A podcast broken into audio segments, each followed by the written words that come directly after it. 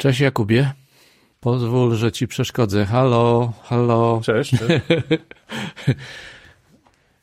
Radom, miasto tradycji, uliczka wspomnień. O, ciekawa rzecz. Y, Chętnie potem zajrzę. No bo jesteśmy znowu w Radomiu. Mm, Tak jak zapowiadaliśmy. Jesteśmy... Mówisz, że mm, żeby przejść do czegoś związanego z owadami? Tak, dokładnie. Po to się spotkaliśmy.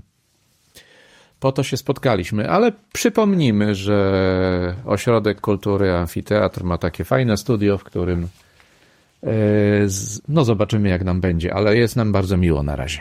Tak. I robimy dla Państwa dziewiąty odcinek Pszczele Wieści o przyrodzie naukowej. Naukowo.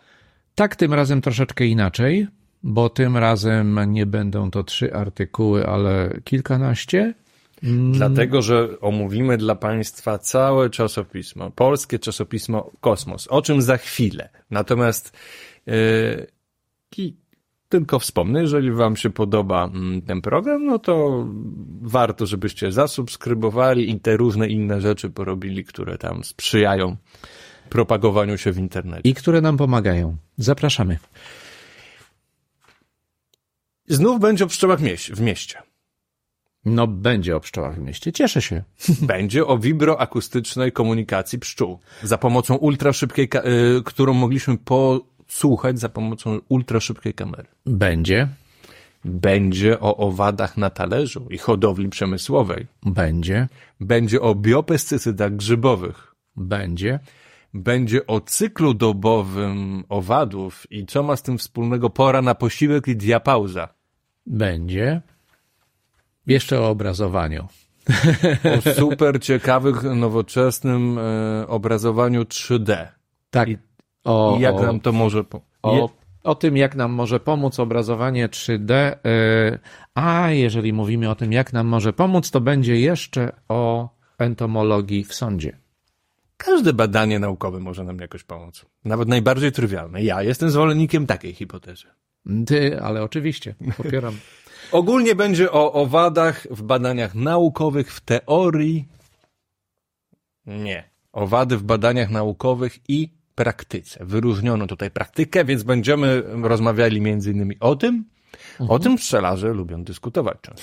Ale powiedzmy chwilę o czasopiśmie Kosmos. Oczywiście. Bo to jest czasopismo, y, które ma podtytuł Problemy nauk biologicznych. Ukazuje się od, od kiedy? Już ci mówię, już ci mówię. A, czas zanot- mam tutaj zanotowane. Ukazuje się od 1876 roku zaczęło się ukazywać w Lwowie. Imponujący czas, jak dla Czyli jeszcze, czasopisma e, naukowego. czyli jeszcze to było w Galicji w zaborze mm, austriacko-węgierskim. No zgadza się. Mm. Także mamy jedno z najstarszych przyrodniczych, mamy do czynienia właśnie z jednym z najstarszych przyrodniczych czasopism naukowych Polsce. Ukazującym się do dziś. Tak, y, jest to mm, z tego co pamiętam mm, Znaczy ja... kwartalnik. Kwartalnik, tak. Kwartalnik Y, i omawiamy numer grudniowy e, kosmosu z 2022 roku. A dlaczego omawiamy ten? Dlatego, że z całości został poświęcony badaniom nad owadami, w tym również pszczołom. Y, I jest to też y, y, czasopismo, które mieści się w naszych rygorach, czyli wszystkie y, artykuły, które się ukazują, podlegają recenzji. Tak jest. No więc przejdźmy do owadów e, w kosmosie.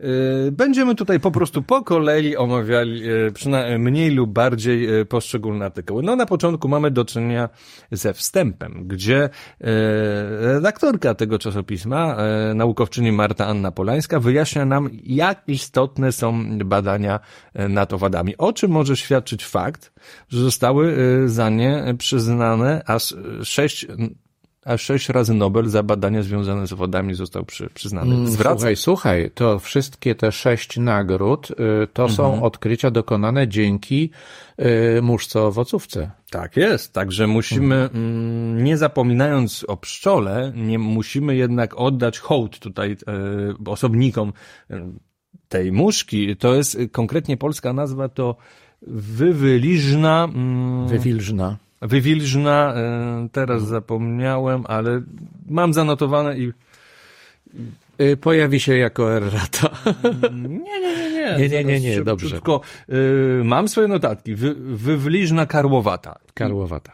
ale bardziej znana pod łacińską nazwą Drosophila mel melanogaster. To jest taka muszka typowa, taka nie wiem, czy widzieliście owo- rodzaj muszki owocowej. Ona jest po prostu, no, jest, y, można powiedzieć, takim szczurem doświadczalnym nauki. Naprawdę jest na prawo i lewo, w górę, wzdłuż i od dołu przebadana.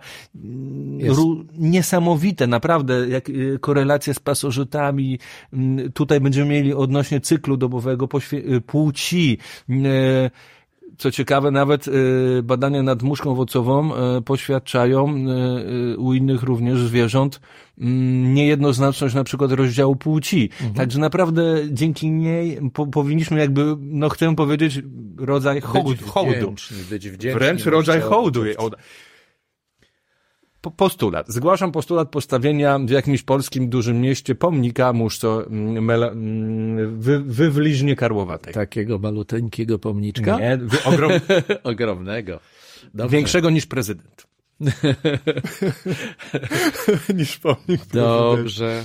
Nie, Y, naprawdę, ale naprawdę, na, to pół, pół żartem, tak, pół tak. serio, Y- ale nasze życie y, i wiedza o świecie dzięki tej muszce naprawdę jest dużo większa niż by mogła być. y, Prawdopodobnie to nie jest jeszcze ostatnie słowo i prawdopodobnie y, jeszcze na długie lata ten owad y, będzie mm, obiektem badań. Dobrze, ale dlaczego takie owady są świetne do badań? Otóż krótko żyją, e, dobrze, do, dobrze się rozmnażają w warunkach sztucznych, więc można niesamowite eksperymenty na nich prowadzić. Mm, są najbardziej różnorodną mm, grupą zwierząt na świecie, dużo większą niż kręgowce, dlatego i przystosowały się do wielu różnych środowisk, w tym do ekstremalnych. Dlatego możemy niesamowite badania na nich prowadzić. Zgadza się. Zgadza się. Następne, e, następny artykuł mamy poświęcony, krótko o nim wspomnimy, mm, pewnemu zasłużonemu entomologowi Polsce, Januszowi Wojtusiakowi, który zmarł w 2012 roku. Wspomnienie tak zwane. No tak. E, Mamy informacje o jego życiu. Zostawimy to wam jako e, pewnego rodzaju zajawkę. Jak sięgniecie do tego kosmosu, to, to macie naprawdę bardzo ciekawy e, artykuł o jego życiu i gdybyście byli ciekawi, to na budynku Centrum Edukacji Przyrodniczej UJ-u jest jest taki, mm, taki element muszki grzybiarki, y, mrówki grzybiarki, y, które pochodzą właśnie z, od fotografii y, pana profesora Janusza Wojtusiaka. A tutaj jest to nawet w kolorze. Ale wam oczywiście wszystko zawsze w powiększeniu pokazujemy, jeśli to oglądacie. No dobrze. I słuchaj, docieramy do clue naprawdę czegoś e, niesamowitego, czyli zachowania e, ratunkowe mrówek i opieka sanitarna u mrówek. No, nie, No, spodzie- nie spodziewałbym się Nie tego. spodziewałbyś się? Ja się spodziewałem, no bo jeżeli sobie mm, przeanalizujesz to jako pszczelarz e, różne skomplikowane zachowania kolonijne pszczół, prospołeczne, Tak. no to wyobraź sobie teraz mrówki, które są dużo bardziej różnorodne niż pszczoły, jest ich więcej i wszystkie, przy- przynajmniej które należą do świata mrówek, są obligatoryjnie społeczne. Oczywiście. Y, Tu mamy pewną różnicę. Y, y, Każda pszczoła pracuje dla swojej społeczności, a mrówki współpracują. Ja nie zauważyłem u pszczół takich elementów, gdzie kilka, nie, produkcja wosku, produkcja plastrów, to jest taka współpraca. Natomiast mrówki, y, mm, To mnie zadziwiasz, powiem szczerze. no, Choćby przecież produkcja miodu odbywa się kolektywnie jak najbardziej przecież. Oj, Są- to jest, to jest, to jest interakcja między dwoma osobnikami y, y, na poziomie, y, na poziomie samej produkcji. To, to jest przekazywanie y, pokarmu y, z, z, od jednego osobnika do drugiego, a y, no nie ma czegoś takiego jak na przykład wspólne taszczenie martwej pszczoły. Zajmuje się tym raczej inny osobnik, a pozostałe nie przeszkadzają. Y, mi chodzi o to, że mm, kiedy mamy do przeniesienia stół, który jest duży rozmiarowo, to wiadomo, że jeden człowiek go nie przeniesie i wtedy pszczoły by go nie przeniosły. Natomiast mrówki zbierają się w kilka i robią to w kilka. Możliwe, nie jestem pszczołą, także pozostawię to już. y, Jest to trochę problem filozoficzny, który poruszasz, natomiast no niewątpliwie mrówki są oprócz może pszczoły miodnej, generalnie lepiej przebadane niż pszczoły, jest, na pewno mają bardziej skomplikowane struktury społeczne i ponieważ są bardziej różnorodne, jest ich po prostu więcej. Tak naprawdę pod względem ilościowym, jak powiedzieliśmy wcześniej, że owady są największą grupą zwierząt, Tak. mm, jeśli chodzi o gatunki i zajęcia różnych e, środowisk, zajęcie różnych środowisk, to jeśli chodzi o biomasę, no to mrówki tutaj no nie, w ogóle wygrywają, nie? Nie wspominam oczywiście o innych y, organizmach, tu bakterie, ale no mrów, mrówek jest naprawdę mm, bardzo dużo, najwięcej. I teraz, y, no nic dziwnego, że y, u mrówek te zachowania kolektywne są po prostu mm, dużo bardziej różnorodne, a wręcz nawet zadziwiające i y, dzięki tym badaniom też możemy robić nawet pewne analogie co do ssaków. Dlaczego? Dlatego, że tutaj badano między innymi y, w tych, y, no chodzi o zachowania ratunkowe, więc również badano medycynę mrówek. Coś takiego, co można by powiedzieć medycyny. Skoro- Znaczy, zacznijmy od ratunkowych, potem to, to jest opieka sanitarna. Y, Te badania robiono głównie na y, albo na, na sztucznych y, sidłach, albo na rzeczywistych działaniach larw mrówkolwa, który poluje na mrówki w taki sposób, że zagrzewuje się w piasku, tworzy nad sobą lej. Jeśli mrówka do takiego leja wpada, to larwa mrówkolwa atakuje ją ziarenkami piasku, y, prowokuje ją do tego, żeby spadła y, w dół, gdzie może ją schwytać i się nią pożywić. I tam zaobserwowano bardzo wiele takich sytuacji, że y, mrówki, które były świadkami takiego ataku, y, rzucały się na pomoc y, i próbowały tę zaatakowaną mrówkę wyratować, a wręcz rzucały się na tę larwę mrówkolwa, atakując ją. Y, To jest y, dość ciekawe, bo to, mm, bo to sugeruje, że, że, ta, że y, ta pomoc y, zawiera w sobie ryzyko y, utraty życia. Tak, ale nie jest to dziwne, bo po prostu badania strategii ewolucyjnych już od dawna wyraźnie dowodzą, że różne ryzyka, w tym największe ryzyko, czyli po prostu utraty życia przez organizm, jest e, w grupach społecznych e, po prostu rekompensowane z nadwyżką długoterminową, jeśli chodzi o przetrwanie mm, całej grupy w ramach dostosowania obocznego, czyli w cudzysłowie dbania o własne, powiedzmy, geny u e, swoich krewniaków. Także to nie jest nic, nic dziwnego. To, co jest ciekawe, to, że też czasami naukowcy badają tutaj ewentualne potencjalne możliwości poznawcze tutaj owad, e, mrówek. No tak. Y, w tym kontekście, a także w takim kontekście yy, oczywiście co, jaki mechanizm za tym stoi, stoi, bo może na przykład świat y, stać mechanizm empatyczny, tak jak u ludzi, tylko że Dlatego troszeczkę y, tutaj mm, to y, nie do końca zrozumiałem u Ciebie ten rozdział, dlatego że pod względem ewolucyjnym, nawet jeżeli organizmy y, mają takie zdolności poznawcze i mają zdolności empatii, to również to moim zdaniem wykonują dlatego, że mm, korzyścią jest dla nich ewentualna nagroda, która wydziela się przez odpowiednie substancje w mózgu.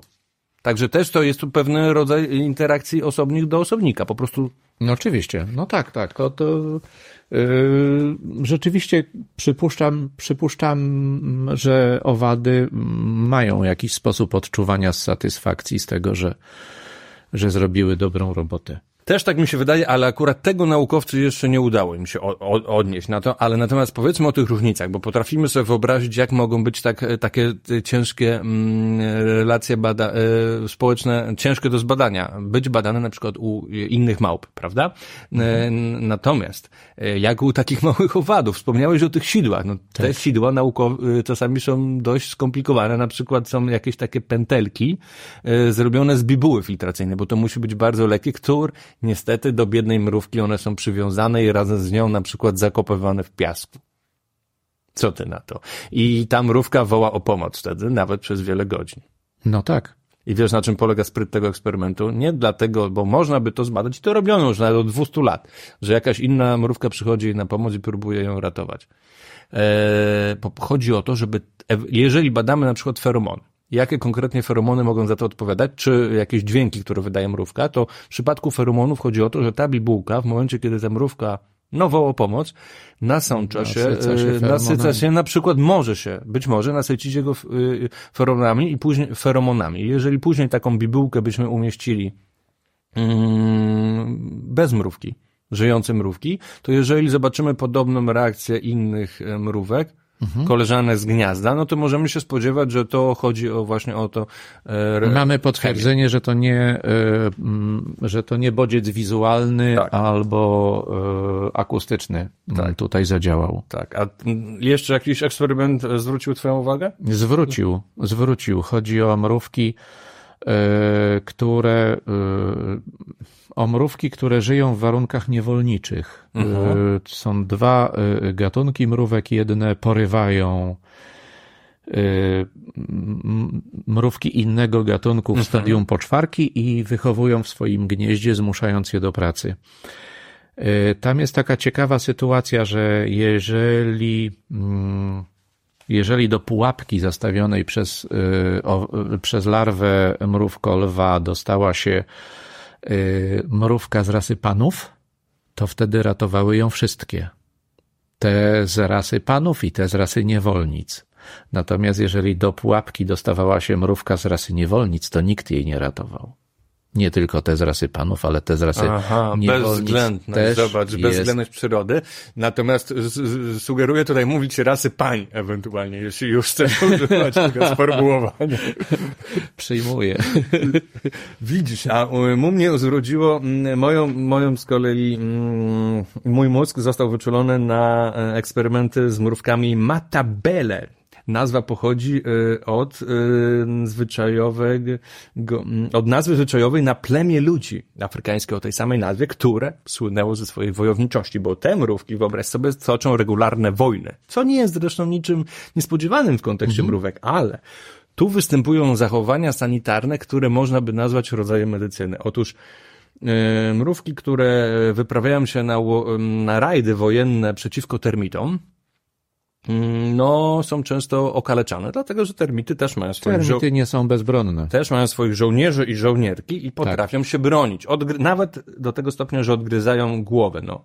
Albo odgryzają odnóża. I okazuje się, że mm, jeżeli 80% takich mrówek w badaniach zabrano z pola bitwy mm, i to 80% z tych, których zabrano, po prostu one ginęły w ciągu kilku dni na skutek odniesionych ran. Natomiast te, które miały możliwość kontaktowania się ze swoimi towarzyszkami i została im udzielona opieka, która najczęściej była mm, e, robiona w ten sposób, że te mrówki lizały im rany, czyli troszeczkę jak na przykład psy robią. Czyściły rany, tak. Tak, czyli trochę możemy powiedzieć taka medycyna, e, medycyna sanitarna w kontekście odkażania ran.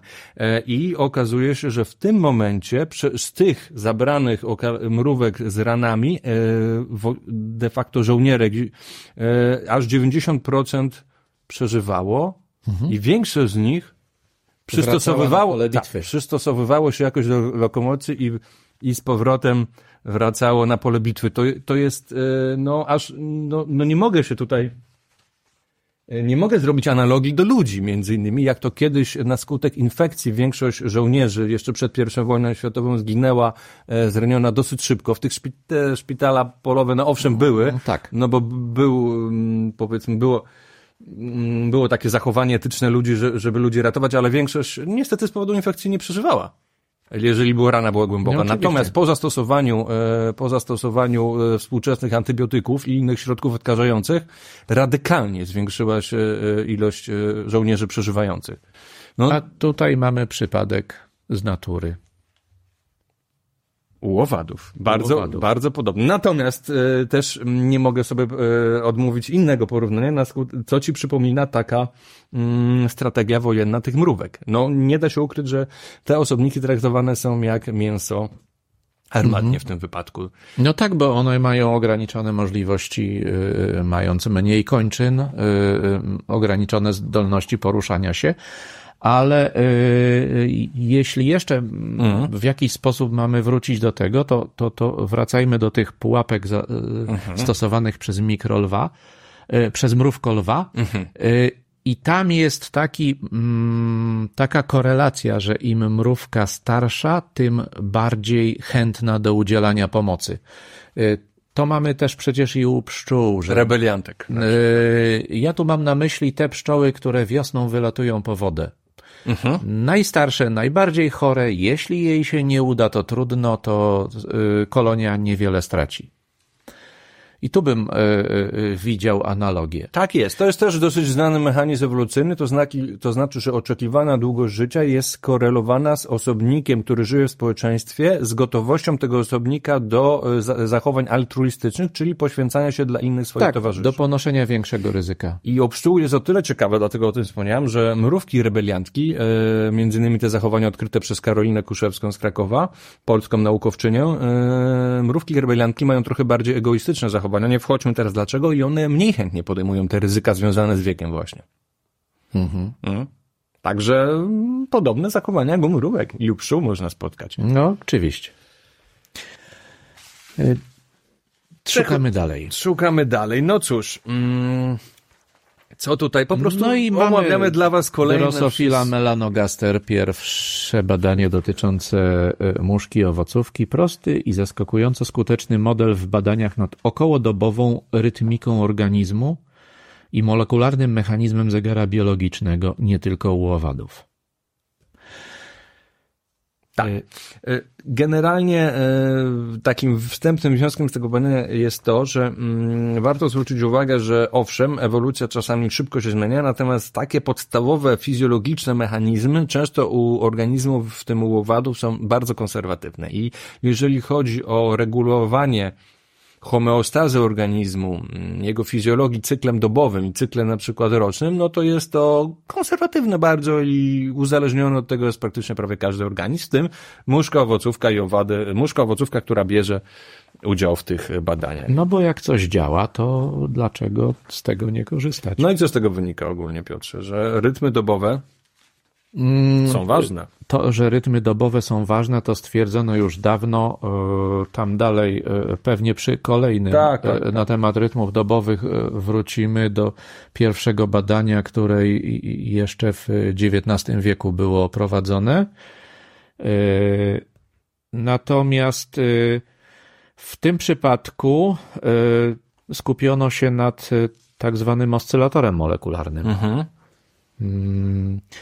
Nie potrafię tego dokładnie opisać i odsyłam do czasopisma, bo nie czuję się na siłach. Yy, Nie studiowałem na tyle yy, genetyki i biologii, żeby być w tym mocnym, ale yy, substancje, które mm, w organizmie owada, ale też i w organizmach wyższych regulują jego gotowość chociażby do pobierania pokarmu, do snu, do, y, no tu mówimy o, o już o wyższych organizmach, jeżeli mówimy o śnie, ale y, do większej lub mniejszej aktywności y, są mm, powiązane y, y, w pełni y, od poziomu mm, organizmu aż do poziomu pojedynczej informacji genowej. Y, I mm, t- to, co możemy się dowiedzieć o y, oscylatorze molekularnym, to to, w jaki sposób on działa, w jaki sposób mm, funkcjonuje mm, pewna sekwencja y, funkcji organizmu. To znaczy, pojawia się jakiś jeden impuls skutkujący wzrostem, y, wzrostem nasycenia jakiegoś białka, Y, To powoduje kolejny wzrost nasycenia jakiegoś białka, Mm, to powoduje jakieś tam działanie organizmu, y, wywołuje to to, że y, organizm jest aktywny, Mm, do, aż do późnych godzin wieczornych, jeżeli to jest tryb aktywności dziennej.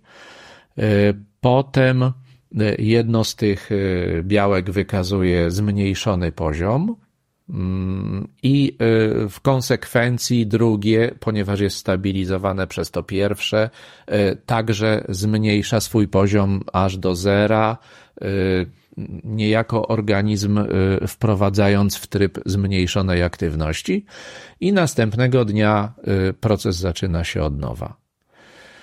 Y, Czyli jest to precyzyjnie, można by powiedzieć, dostrojony mechanizm biologiczny, biologiczno-fizyczny. Tak. I teraz jakie są skutki rozlegurowania? Mm, co wynika z tych badań nad muszką? E, wiesz, też muszkliwocowe mogą mieć cukrzycę na przykład, nie? No widzisz. No, także e, nowotwory, cukrzycę, chorobę otyłości na przykład. Tak. Nie doceniamy y, regularności jako ludzie y, i powinniśmy się od muszek owocówek uczyć.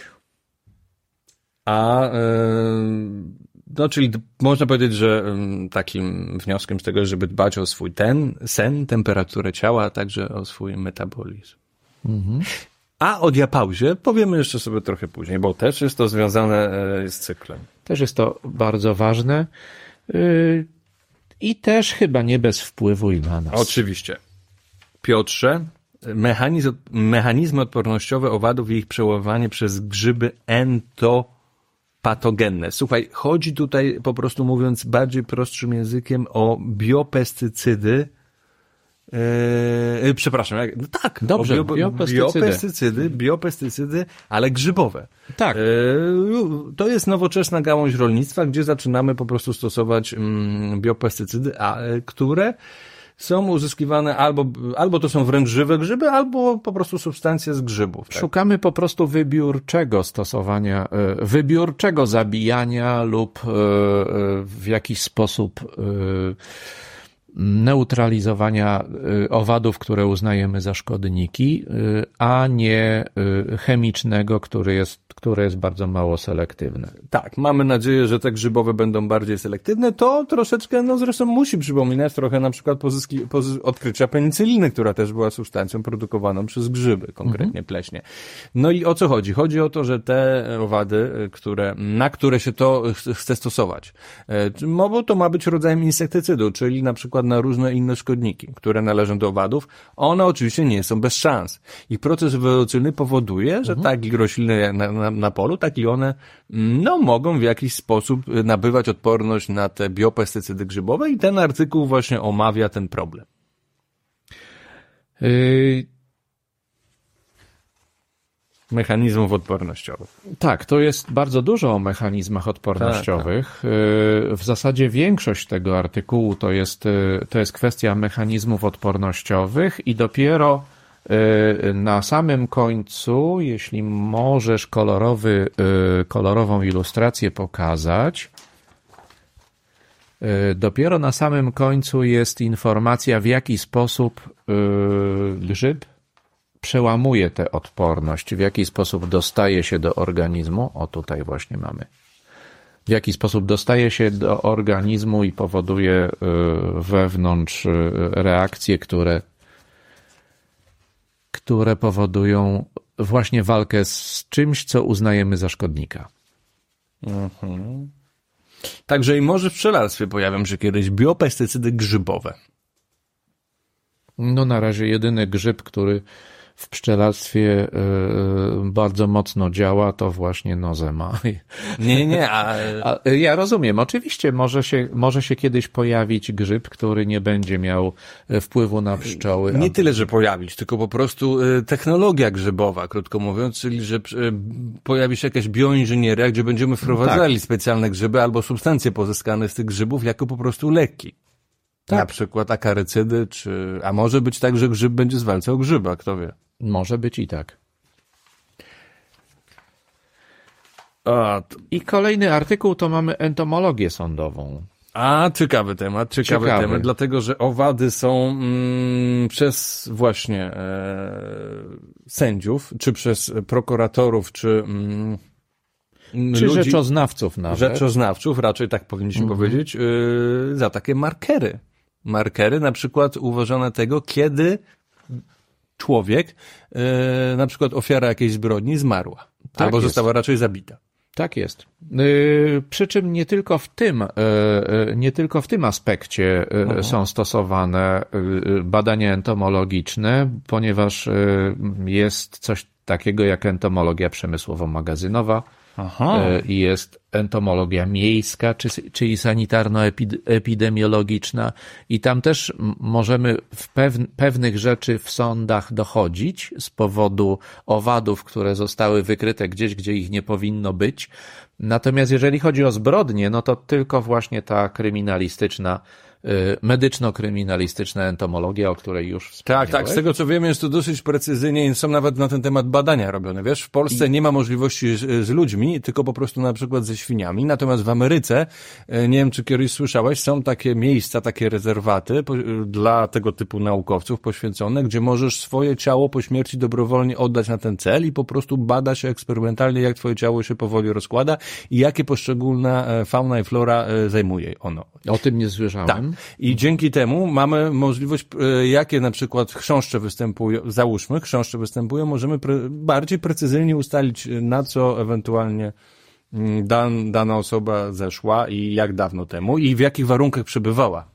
Mm, Tak, zgadza się. Mm, To, to jest bardzo ważne, bo chociażby temperatura i wilgotność ma wpływ na to, y, jak owady, no już mówmy wprost, jak owady kolonizują zwłoki, w jakiej kolejności i w jakim następstwie. I, i w momencie, kiedy, y, kiedy jakieś ciało zostanie znalezione, y, badacze mogą y, na podstawie zastanego stanu y, owadów odkryć nawet po kilkudziesięciu dniach dość precyzyjną datę zgonu.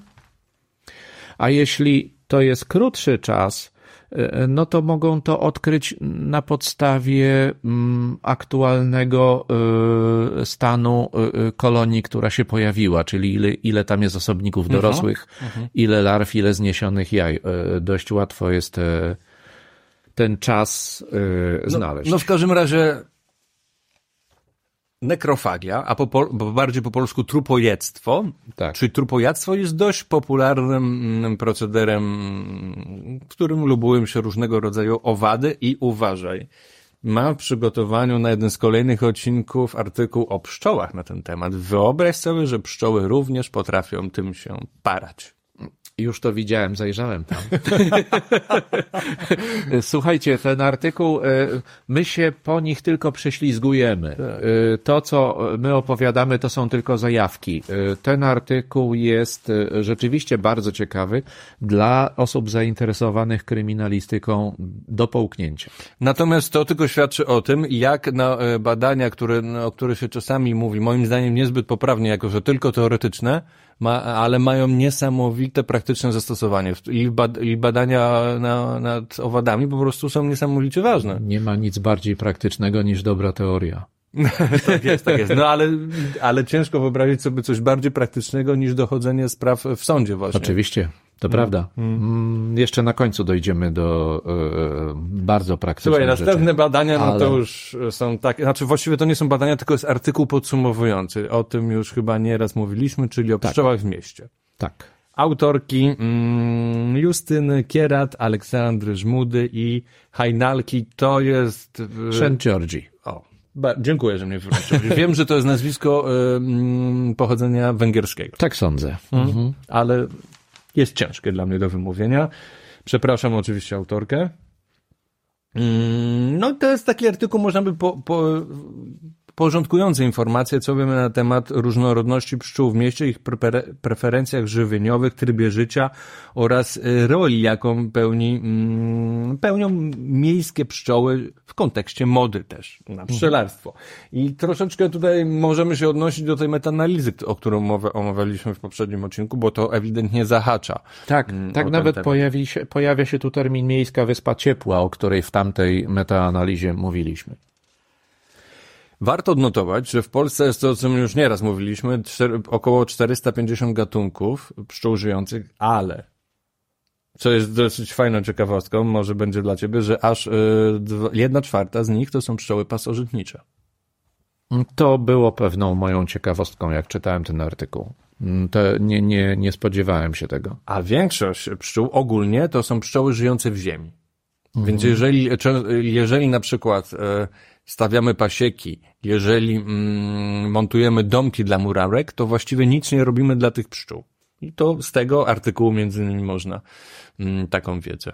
No tak, to prawda. Dla, y, a, a, a jeżeli betonujemy wszystko, co się da, to, to nawet robimy y, im bardzo mocno wbrew, jeżeli chodzi o pszczołom, które w ziemi się gnieżdżą. Zazwyczaj ten proces, e, tak jak omawialiśmy w poprzednim odcinku, e, urbanizacji w tym kontekście jest postrzegany negatywnie. Natomiast e, no nie da się ukryć, że pewne enklawy w mieście, tak jak właśnie parki, cmentarze, mogą być do, w kontekście ogólnych zmian środowiska, które są również napędzane przez ludzi, mogą pełnić tutaj, mieć taką swoją oazę właśnie, gdzie mogą mhm. po prostu żyć i w tym kontekście autorki zalecają, żeby po prostu prostu objąć te tereny ochroną. Mm, tak, a ile tych pszczół jest i jakie, to jest chociażby w tej tabeli, mm, gdzie, gdzie e, rodziny tych pszczół są wymienione e, i e, rodzaje ich też są opisane.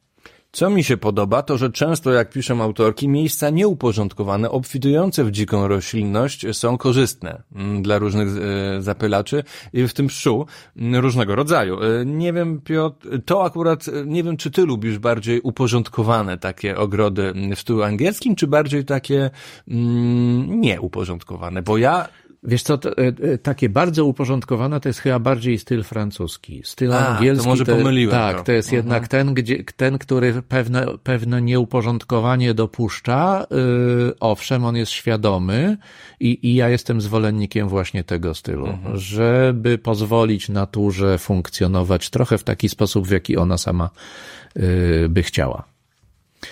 Yy, i, I rzeczywiście on y, y, wydaje się lepszy, y, bo jest porównanie, nie wiem czy w tym artykule, czy w jakimś innym, o tym, że właśnie takie tereny zostawione same sobie miejskie są lepsze od ogródków przydomowych przy szeregówkach które to ogródki przydomowe są zwykle właśnie uporządkowane. Krótko koszoną trawą często. Tak, tak. Często, bo to też nie chodzi o to, żeby w ogóle nic nie kosić. Tak, i z małą bioróżnorodnością roślinną.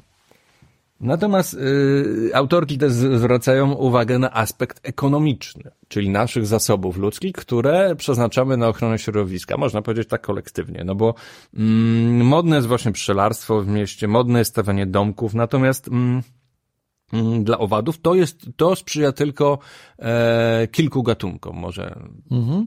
E, I teraz, e, jeżeli zauważamy pewne rzeczy, na które możemy przez, mamy zasoby ograniczone, w tym zasoby finansowe, więc jeżeli, że w kontekście mody na pewne, na pewne, mm, na pewne gatunki pszczół, mo, a tego, co wiemy właśnie o tej bioróżnorodności w mieście, może to być długofalowo nietrafiona inwestycja.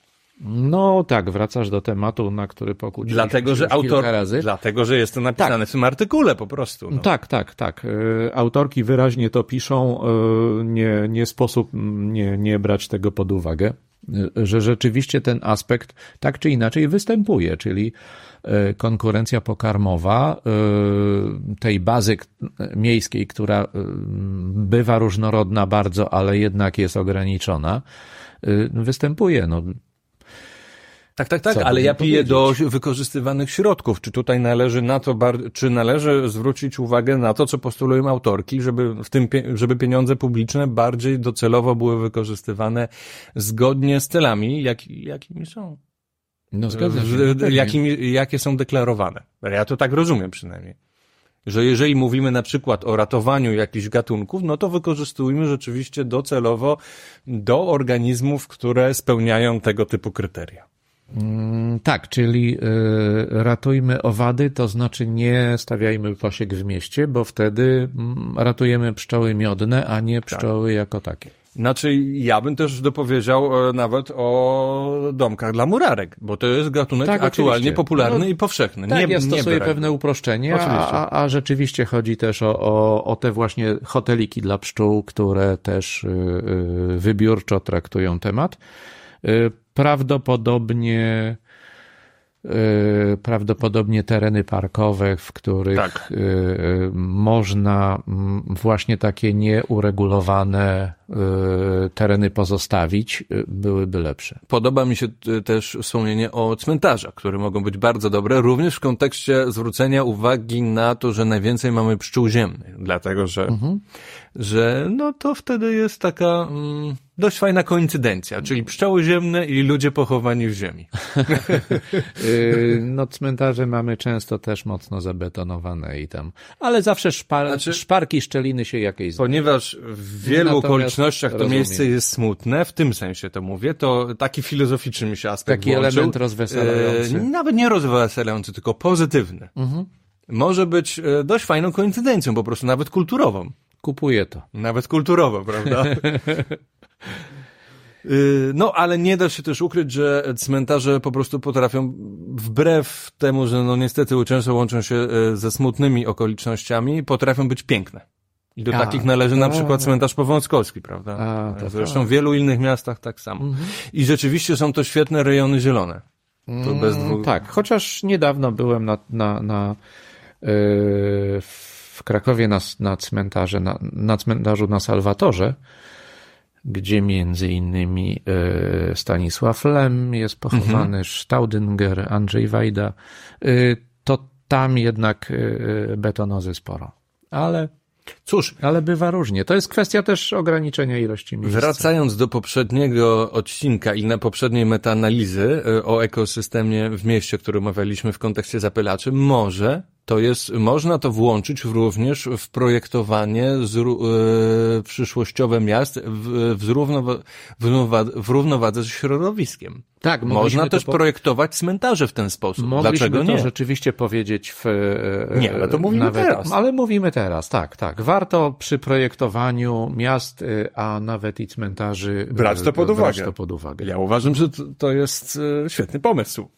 I następny artykuł to rów- zostajemy w obrębie pszczół, a tym razem ściśle, mm, e, ściśle przy gatunku pszczoły miodnej. Wibroakustyczna komunikacja pszczoły miodnej. No proszę, znowu komunikacja z pszczołami. No słuchaj, no to jest jeden z najbardziej zaawansowanych społecznie mm, gatunków pszczół, więc jakby nic dziwnego, no zwierzę żyjące ko- kolonijne, no i ono musi się komunikować i nasze, jest ten słynny taniec pszczół, od, odkryty przez Karla Karla von, von von Frische, tak, natomiast to jest tylko jeden z nielicznych, tylko bardzo znanych przykładów. Tak naprawdę tych różnych komunikatów to my często nie słyszymy albo nie widzimy, ale dlaczego? Dlatego, że one są bardzo dla nas niedostrzegalne. Odbywają się na przykład w krótkim czasie albo w takich niskich, e, mm, w takiej niskiej częstotliwości fali dźwiękowej, że dla nas są niesłyszalne. I tutaj wkraczają cali nau- i tutaj wkraczają naukowcy. Tak. Yy, znaczy nawet, nawet może czasami nie chodzić o częstotliwość, tylko o, amplitudę tych dźwięków. One są za ciche, nie słyszymy ich yy, z tego powodu. Czułe mikrofony wyłapią wszystko dookoła, a nie wyłapią tego jednego konkretnego dźwięku. I teraz może, mogłoby się wydawać, że można przypiąć na przykład mikrofon. Mm, bardzo czuły mikrofon do takiego plastra i on będzie e, zbierał po prostu te różne dźwięki, które my nie słyszeliśmy. Tak, i robi się to. Tak, robi się to, ale zaraz zobaczymy, dlaczego nie zawsze to się uda. Dlaczego nie jest to niedos, dlaczego jest to niedoskonała metoda? Tak, ponieważ tutaj naukowcy y, do, y, do badania dźwięków zastosowali y, szybkie kamery, mm, które y, umożliwiały y, rejestrację takiej liczby klatek, żeby ta liczba klatek pozwalała, pozwalała pokazać jak najmniejsze drgania skrzydełek, odwłoków pszczół i Może powiedzmy nawet jaka to była prędkość, bo y, zazwyczaj standardowa prędkość, nawet na YouTubie, na którym my robimy mm, y, Tak, my na, swoje na kanale, to jest filmy- 25 klatek na sekundę. Natomiast tutaj, na, o ile pamiętam, było nawet kilka tysięcy na sekundę. My umieszczamy swoje filmy z, e, z 50 klatkami Aha. na sekundę. co jest nieźle, ale to jest nadal nadal Mało, żeby poziom. zbadać yy, do, do, Tak, to są tysiące rzeczywiście, tysiące klatek na sekundę, które pozwalają, yy, pozwalają yy, częstotliwości nawet do -huh. 3 kHz sprawdzić. Bo okazało się. No i Sylwia Łopuch, autorka tego artykułu, robi, uczestniczyła właśnie w takich badaniach. Mhm. Okazało się, że pszczoły miodne y, rejestrują dźwięki właśnie mniej więcej do 3 kHz, a, a my tylko do półtora. Mhm. Więc są, y, y, mają jeszcze, jeszcze większy zakres rejestrowania częstotliwości. I my tego już nie jesteśmy w stanie usłyszeć. My tego nie jesteśmy w stanie usłyszeć. Tu jest jeszcze taki, taka kwestia, mm, że tak naprawdę to one też nie wykorzystują tych częstotliwości wysokich, bo te, na których pszczoły się porozumiewają, to zwykle od stu kilkudziesięciu do, do pięciuset mniej więcej e, herców. E, do tysiąca zdarza się. No i okaże, okaże się, że to jest taki zakres gitary akustycznej, więc te, te mniej więcej y, y, poziomy częstotliwości. Tylko y, pojawiają się harmoniczne. Co ciekawe i czego się nie spodziewałem, to przy pomocy tej kamery można było te harmoniczne odczytać. Mhm. A harmoniczne to są dźwięki o częstotliwościach wielokrotnych w stosunku do dźwięku podstawowego. Ich może być wiele różnych rodzajów i wpływają y, na barwę y, y, dźwięku, który w ostateczności powstanie. Dla nas to jest ważne z powodów muzycznych, z powodu mm, bawienia się tym, jak brzmi muzyka, że na przykład instrumenty blaszane mają mnóstwo harmonicznych, a, a a inne mniej, tak? Coś chcesz Tak, bo przepraszam, bo mózg, nie wiem czy wiesz, to jest tak off-top mały, z innych badań wynika, że nasz mózg często próbuje przewidywać, nie, co tam y, osoba powie.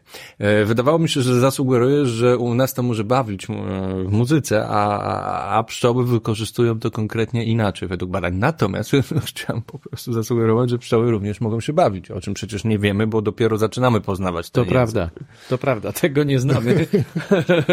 nie wiem, czy to chciałem powiedzieć, ale fajnie, że to zauważyłeś. Bo... Mm, mm. No i, i ale pozostańmy w tym, mm, mm, w tym paradygmacie muzycznym, dlatego że wprost o tym piszą naukowcy. No, zresztą znamy już ten śpiew matki, natomiast okazuje się, piszą też o śpiewie trutni i o śpiewie pomiędzy robotnicą, e, pomiędzy robotnicami a matką. Co się dowiedzieliśmy z tych badań właśnie? O śpiewie. Tak. Yy, są, są różne sytuacje, które zidentyfikowali i trudno jeszcze mówić o tym, żeby powiedzieli nam, y, co dokładnie te sytuacje oznaczają. Ale y, sprawdzili, że tu już mówiłem, że większość sygnałów y, wibroakustycznych to jest częstotliwości od 100 do 500 Hz, mhm. aż do kilku tysięcy w przypadku harmonicznych. I na przykład w trakcie tańca y, te sygnały też się pojawiają, te akustyczne. Oprócz y, wizualnych y, sygnałów tanecznych dochodzi też, dochodzi też drżenie skrzydeł i odwłoka mm, z częstotliwością jeżeli chodzi o odwłok 12 do 15 Hz. Nie wiem, czy pszczoły są w stanie to usłyszeć, bo 12-15 Hz to jest e, jednak poniżej granicy słyszalności ludzkiego ucha. Ale jeśli to robią, to przecież robią to po coś. E, są też takie e, wydają też takie tak zwane pulsy, czyli e, czasowo określone dźwięki, e, których częstotliwość wynosi od 25 do 35 Hz. Mm, też e, przy pomocy skrzydeł wydają dźwięki o częstotliwości od 200 do 350 Hz i tańczące pszczoły poruszają skrzydłami generalnie przez 40 do 47% czasu trwania fazy wywijania. Mhm. Czyli to są rzeczywiście bardzo cichutkie dźwięki. to są bardzo cichutkie, ale też dźwięki o, o, o częstotliwości już nie takiej bardzo niskiej, bo już by były przez człowieka słyszalne, gdyby nie, gdyby nie to, że są cichutkie, ale musimy przerwać, bo nam się, bo nam siadło. Mm, No dobrze, Dwie kamery nam siadły. Zostaliśmy przy jednej. to przerywamy. Ale masz zapasowe baterie, tak? Zapasowe już wymieniłem. Musieliśmy zrobić krótką przerwę, bo nam się baterie wyczerpały i stwierdziliśmy w międzyczasie, że no rozgadaliśmy się strasznie e, i wyjdzie tego półtorej godziny, więc niestety no nie omówimy wszystkich artykułów, no ale no nie da się po prostu przeskakiwać e, mm, z arty- w artykułach, które technicznie omawiają dokładnie jakiś temat, a my chcemy wam to przekazać po prostu newsowo, tak jak Tak. e, w ciągu... Jesteśmy dopiero w połowie, więc Tak, tak. odeślemy was po prostu do tego, e, do tego czasopisma, do kosmosu z grudnia 2022 roku i, i możecie so, to, sobie tam to doczytać. E, Powiemy jeszcze w kwestii Tak. tej wibroakustyki. Dokończmy, mm, dokończmy dokończymy ten temat. Ja może powiem dlaczego, y, powiesz może y, jakie tam... y, co Znaczy odkryto. znaleziono, odkryto po prostu korelację między tymi dźwiękami, które zarejestrowano, a tego, co wiemy o tańcu Mhm. z badań zapoczątkowanych od Karla von Frischa. Mhm. I, I wynika z tego, że te, te sygnały akustyczne wzmacniają sygnały wizualne. Mhm. Dotyczą one bardziej y, pszczół, które są bliżej i bardziej tych pszczół, które są za odwłokiem pszczoły, prawdopodobnie lepiej są słyszalne, lepiej są rejestrowalne. Te pszczoły, które znajdą się za odwłokiem pszczoły tańczącej, wylatują po pożytek po, jednej, po jednym lub dwóch cyklach. To by znaczyło, że każdy cykl tańca pokazuje tak naprawdę wszystko, co trzeba wiedzieć o, o tym pożytku. Jeżeli pszczoła zarejestruje jeszcze akustykę, to już wie wszystko, co powinna, y, wynosi się z otoczenia pszczoły tańczącej i idzie y, za wskazówką. A widzisz. Ale ja zwróciłem uwagę na trutnie, o których rozmawialiśmy dwa odcinki temu, bo okazuje się, że w trakcie, kiedy trutnie wylatują i być może krążą po tych skupiskach, również śpiewają, również wydają tego typu niedoceniane trutnie, również komunikują się między sobą i, i między robotnicami a sobą. Wydają Tak. tego typu dźwięki. Czasami też proszą o pożywienie. To też, y, tutaj też znaleziono te korelacje, że, że proszą robotnicy o to, żeby, No i sygnał stop oczywiście, czyli przestań. no tak, Jest taki sygnał. Natomiast y, w- kwestii technicznej, badawczej, na co chciałem zwrócić uwagę, dlaczego mikrofony były metodą niedoskonałą? Nawet superczubek, które mogły rejestrować różne tego typu cichutkie dźwięki i nawet w, skali, y, w takich częstotliwościach, gdzie ludzie nie byliby w stanie. Dlatego, że taki mikrofon rejestruje trochę tak, porównałbym do, do tego, że jeżeli słuchalibyśmy jakiegoś bazarku, gdzie gaworzą różni ludzie, ale z e, super czułym sprzętem z odległości 100 metrów, to nadal byś, byśmy słyszeli po prostu zamieszanie, że różni ludzie gadają, natomiast nie, byliby, w- nie bylibyśmy w stanie tak pod, z tak podbitego dźwięku wychwycić, co mówi jeden człowiek.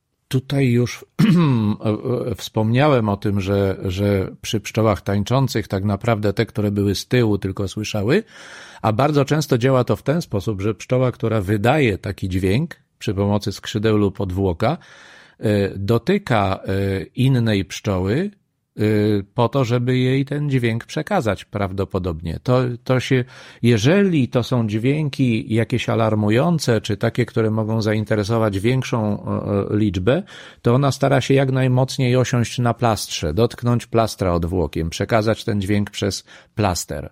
A jeżeli y, to jest pszczoła, która coś chce zasygnalizować matce, mm, typu bierz się do roboty, składaj jaja, ja je nie wiem, ale, ale y, coś takiego sugerują.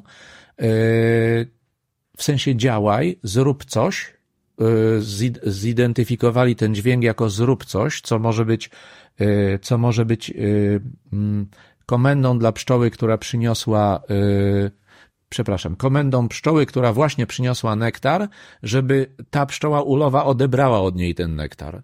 Albo komendą pszczoły, która karmi matkę, dla tej matki, żeby no po prostu zaczęła robić to, co, to, co robi. Czyli nie możemy słuchać całego plastra. Nie możemy słuchać całego plastra yy, i wtedy powinniśmy, powinni byśmy byli tak naprawdę mieć mikrofony przyklejone do każdej z tych pszczół. Musimy, żeby zrozumieć y, komunikację pszczół między pszczołami, musimy schodzić y, do rozdzielczości pojedynczego osobnika. Dokładnie tak. Okej. Mamy to. E, Słuchaj, to opowiedzmy o tej diapauzie, o której e, już wspomnieliśmy mm, na samym początku. No jest to kolejny artykuł, który omawia mm, e, sprawę związaną z cyklami. Diapauza jest bardzo ważna w pszczelarstwie, bo to jest między innymi, no nie jest to stan pełnej hibernacji, ale jest to stan ewidentnie odpoczynku, kiedy organizm na przykład nie pobiera pokarmu. I co się okazuje, badając nawet te muszki właśnie, wywlizny, okazuje się, że to, kiedy organizm je, nie jest przypadkowe i fizjologicznie i nie jest bez wpływu na jego ogólne zdrowie. No tak. Y, Zresztą te badania prowadzone są już od bardzo dawna. Mm, y, Znalazłem, że ten termin diapauza pierwszy raz użyty został przez niemieckiego entomologa y, Willera, tu tak angielsko brzmiące nazwisko, w 1893 roku, który w ten sposób określił stan zatrzymania zimą w stadium jaja rozwoju pasikonika. Y, No, mamy, y, mamy to, to już tak jak o ciekawostki mówię, w- wszyscy pszczelarze chyba znają y, cykl rozwojowy murarki, y, który, który polega na tym, że zniesione jaja y, wyklują się tak naprawdę w następnym sezonie, więc Nie, nie, akurat w przypadku murarki y, to jest dosyć ciekawe, ale tutaj są różne strategie Prostuj różnych mnie. pszczół. Zim, zimuje y, owad w stanie imago. Taki, który y, gdyby, gdyby Tak. Gotowy do wyjścia. Tak, y, ale to jest, y, te punkty diapauzy są bardzo różne. Aha. Y, One dotyczą jaja, dotyczą larwy, poczwarki też i y, stadium imago, więc Tak jest. nadal, nadal y, Dziękuję za to doprecyzowanie. Natomiast bardzo ważne jest, żeby udanie przejść ten stan diapauzy, okres przygotowawczy organizmu. Co nasze pszczoły miodne przecież robią świetnie. Tak. Są zaprogramowane do tego, że pszczoły zimowe są troszeczkę inne pod względem fizjologicznym i tego okresu przygotowawczego niż pszczoły letnie.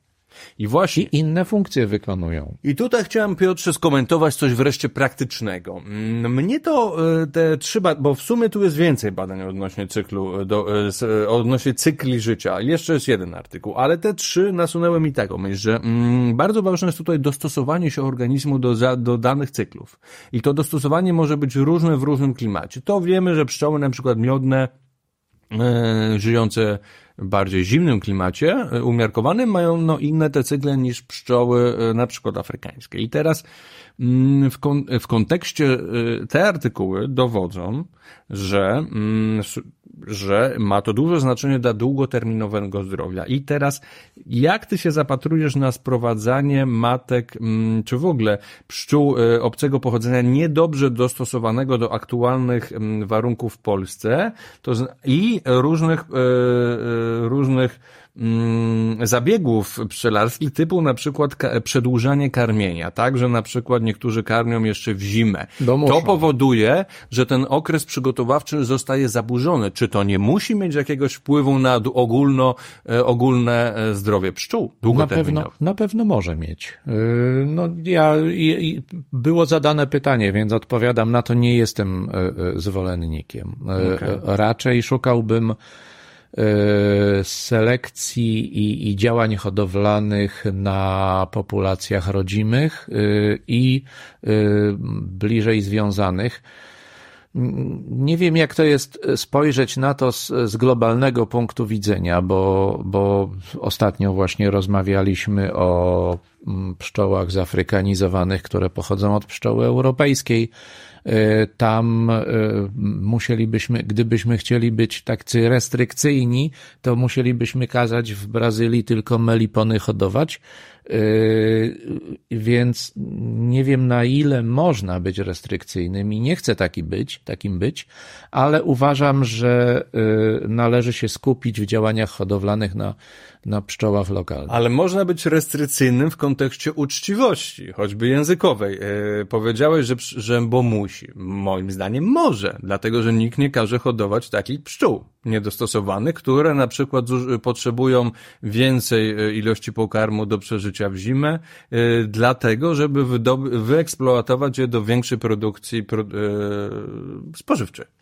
Zgadza się, spożywczej albo, albo ktoś, kto sobie zakłada produkcję odkładów na skalę masową. No właśnie, a wtedy nie wtedy... musi się martwić czystością produktów. Tak jest i, i, i wtedy jest w stanie ponieść ten koszt y, trudniejszej zimowli na rzecz, na rzecz tego, że zarobi więcej pieniędzy w sezonie. Okej. Okay.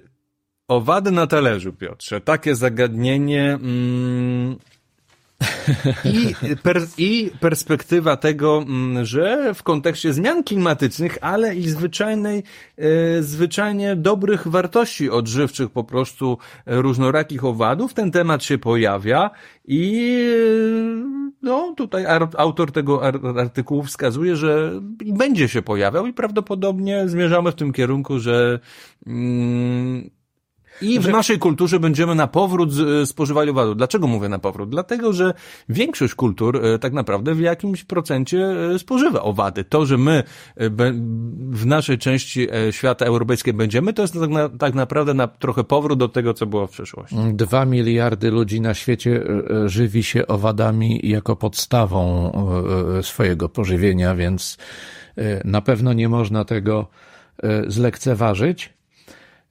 I I wydaje się e, w e, kontekście zmian klimatycznych, e, że mm, produkcja owadów jako pożywienia jest najbardziej, mm, chciałbym tu użyć słowa ekologiczna, ale wiesz w jakim znaczeniu, w, mhm. w tym, które, mhm. które mamy na myśli w, popularnie czyli naj, najmniej... W zrównoważeniu, ale nie, po, nie pod względem fizycznym, tylko po, pod względem ochrony środowiska. Pod względem hmm. najmniejszej ingerencji w zmiany tak. klimatyczne. Okej. Okay. Ale także pod względem, nie tylko pod względem klimatycznym, ale także y, o wpływie negatywnym rolnictwa na środowisko. No bo tak, w tym, tak. W tym kontekście tak, o tym, owady... o tym to mam na myśli. Okej, okay, w tym kontekście owady też są e, dosyć dobre, dlatego że są zimno, e, tak zwane zimnokrwiste mhm. i po, e, dobrze znoszą warunki yy, ściśnienia. W odróżnieniu od ssaków. Zgadza się i nie potrzebują dodatkowej wody, bo używają tak naprawdę w procesie swojego wzrostu tylko tej wody, która jest zawarta w pożywieniu. Tak, ale dlaczego yy, w Polsce i nie tylko w Polsce często jest to temat tabu i niesłusznie jest to kojarzone z gorszym ledzeniem i biedą i yy, no niewątpliwie można powiedzieć, że Polska, tak przynajmniej twierdzi autor, jest konserwatywna, yy, konserwatywna pod względem dietetyczno-kulturowym. Hmm. Chyba nawet nie z biedą. Myślę, że myślę, że bieda w Polsce raczej się, raczej się kojarzy, no, ostatnio to ze szczawiem i mirabelkami, ale ale dawniej y, y, raczej z jakimiś korzeniami. Wiesz co, a wiesz dlaczego moja babcia nie zechce zjeść koziny i, czy baraniny? Na przykład ta, w tak, jest takiej świetnej hodowli właśnie. to gorsze? Dlatego, że kojarzy się z okresem biedy. No. W jej czasach po prostu, ta, tak, tak mi to argumentowała, w jej czasach jadło się to wtedy, kiedy nie było nic innego. Więc ona teraz, mając wyższy status społeczny, niechętnie będzie sięgała po to. Moim zdaniem to jest dokładnie to, co powiedział ten autor. E, mhm. Autor, kwestia e, kulturo, kulturowego tabu. Może tak, okay. może tak. Kulturowego tabu jak najbardziej. Ja troszkę z tym, z tą mhm. biedą dyskutowałem, bo chyba nigdy na terenach polskich y, owady nie były jedzone. Wiemy o, o z, z z pism y, religijnych o, o szarańczy i, i, i y, pasikonikach i, i, i tym podobnych y, owadach, które mogły być jedzone, ale chyba raczej sami tego nie jedliśmy. Autor trochę zw- zwraca tutaj uwagę na chrześcijaństwo, jeśli chodzi o naszą kulturę, któ- która według autora m, kojarzy się bez wątpienia, według niego, e, z ikonografią, którą, która ukazuje owady jako stworzenia z natury nieczyste, kojarzone raczej siłami diabeckimi. Nawet tak ludowo się określało, e, dzieliło się zwierzęta tak, że właśnie na zwierzęta, na zwierzęta, gadzinę, e, ptactwo. Mm, Nie pamiętam jak się. y, No i robactwo. Robactwo. I niewątpliwie y, większość owadów należy do tej kategorii ro, robactwa, A, które a jest. y, robactwo się nie- lęgło z nieczystości, gnoju i trocin i tym No podobnych właśnie. rzeczy. No, mm, to, to rzeczywiście może mieć przełożenie i może, i może być przez nas y, w ten sposób ta dieta postrzegana. y, Tak, że y, był popularny taki dowcip o tym, jak e, młody robaczek mówi do starego tato, co to jest to zielone, a to jest łąka synu, a to żółte takie ciepłe, to, to synu słońce. To tato, to jak tu jest taka e, miła zielona łąka i takie cieplutkie słońce, to dlaczego my musimy wracać do gnojownika? Bo tam jest nasze miejsce, synu. E, Więc po, ten punkt widzenia może, y, może zaburzać naszą percepcję w kwestii tego, jak, jak postrzegać owady jako y, element diety. Natomiast o tyle bym tutaj z autorem polemizował, że ja bym to rozszerzył. Nie tylko na chrześcijaństwo, ale na także astrologiczne, astrobiologiczne przedchrześcijaństwie, przedchrześcijańskie pogaństwo w Europie. I mam takie przykłady na przykład z Litwy, czytałem o pszczelarstwie. Dlaczego o pszczelarstwie? Dlatego, że akurat pszczołę miodną, tak jak i współcześnie, często e, określa się jako właśnie odwrotnie. I na, e, zalicza się je do zwierząt jako boskie, tak ludowo do zwierząt mam na myśli, oczywiście nie e, taksonomicznie, biologicznie, jako boskie wręcz stworzenie, e, z natury dobre, czyste i tak dalej, w odróżnieniu właśnie od tego najgorszego robactwa wywodzącego się ze ścierła. Więc w takim kontekście, gdyby nawet podejść do tego religijnie, konsekwentnie, e, czy może raczej mitologicznie, e, może w takim razie pszczoły po... Ciekawe, czy gdyby zasugerować ludziom jedzenie pszczół, czy byliby bardziej skłonni w takim razie. Znane są przypadki jedzenia przez pszczelarzy larw trutni. Y, Natomiast są to pojedyncze przypadki odosobnione. Mm, Najczęściej, mm, najczęściej nie. pszczelarze te larwy, które y, jeżeli wycinają czerw trutowy, No. dają kurom do Ja zjedzenia. w pszczelarstwie widzę tutaj skrajne tego typu e, dzielenie e, owadów, e, dzielenie bezkręgowców, dlatego że na przykład często widzę e, nazy, e, inwektywy rzucane w stronę dręcza pszczelego, nawet e, coś takiego jak ścierwo, łajno, dziadostwo. Tak, tak.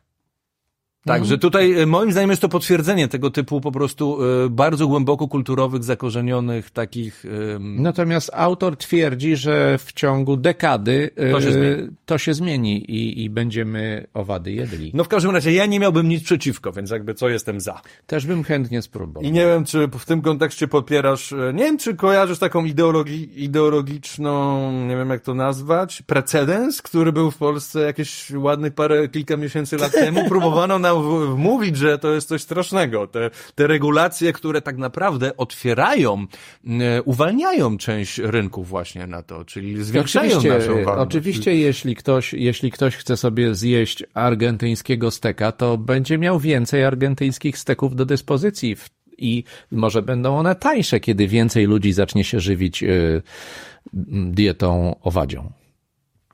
Okej. No cóż. Mm, Tak, zagadaliśmy się mocno przy pierwszych artykułach i chyba nie damy rady e, wszystkich. e, Nie będziemy wam tego sprawdzić. robili. Nie będziemy was zmuszali do oglądania e, dwugodzinnego filmu. Tak by się to skończyło.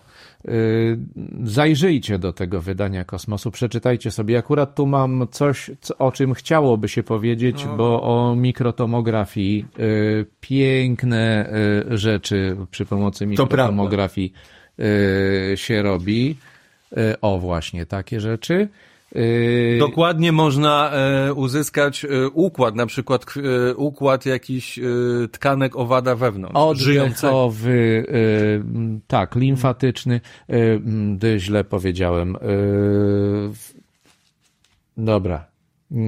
A ja z kolei nie powiem, Piotrze, o seksie z samcem bez głowy, u muchówkach Kuczmanu. A ty nie powiesz A tak o seksie z samcem bez głowy, yy, więc żegnamy się z wami. Yy, Dzięki. Do następnego Dzięki. razu. Następny odcinek już klasycznie, mm, klasyczny, w którym będziemy omawiali trzy artykuły naukowe i raczej e, doświadczenie z tego odcinka wskazuje, że pozostaniemy przy takiej konwencji. Tak jest. Dzięki.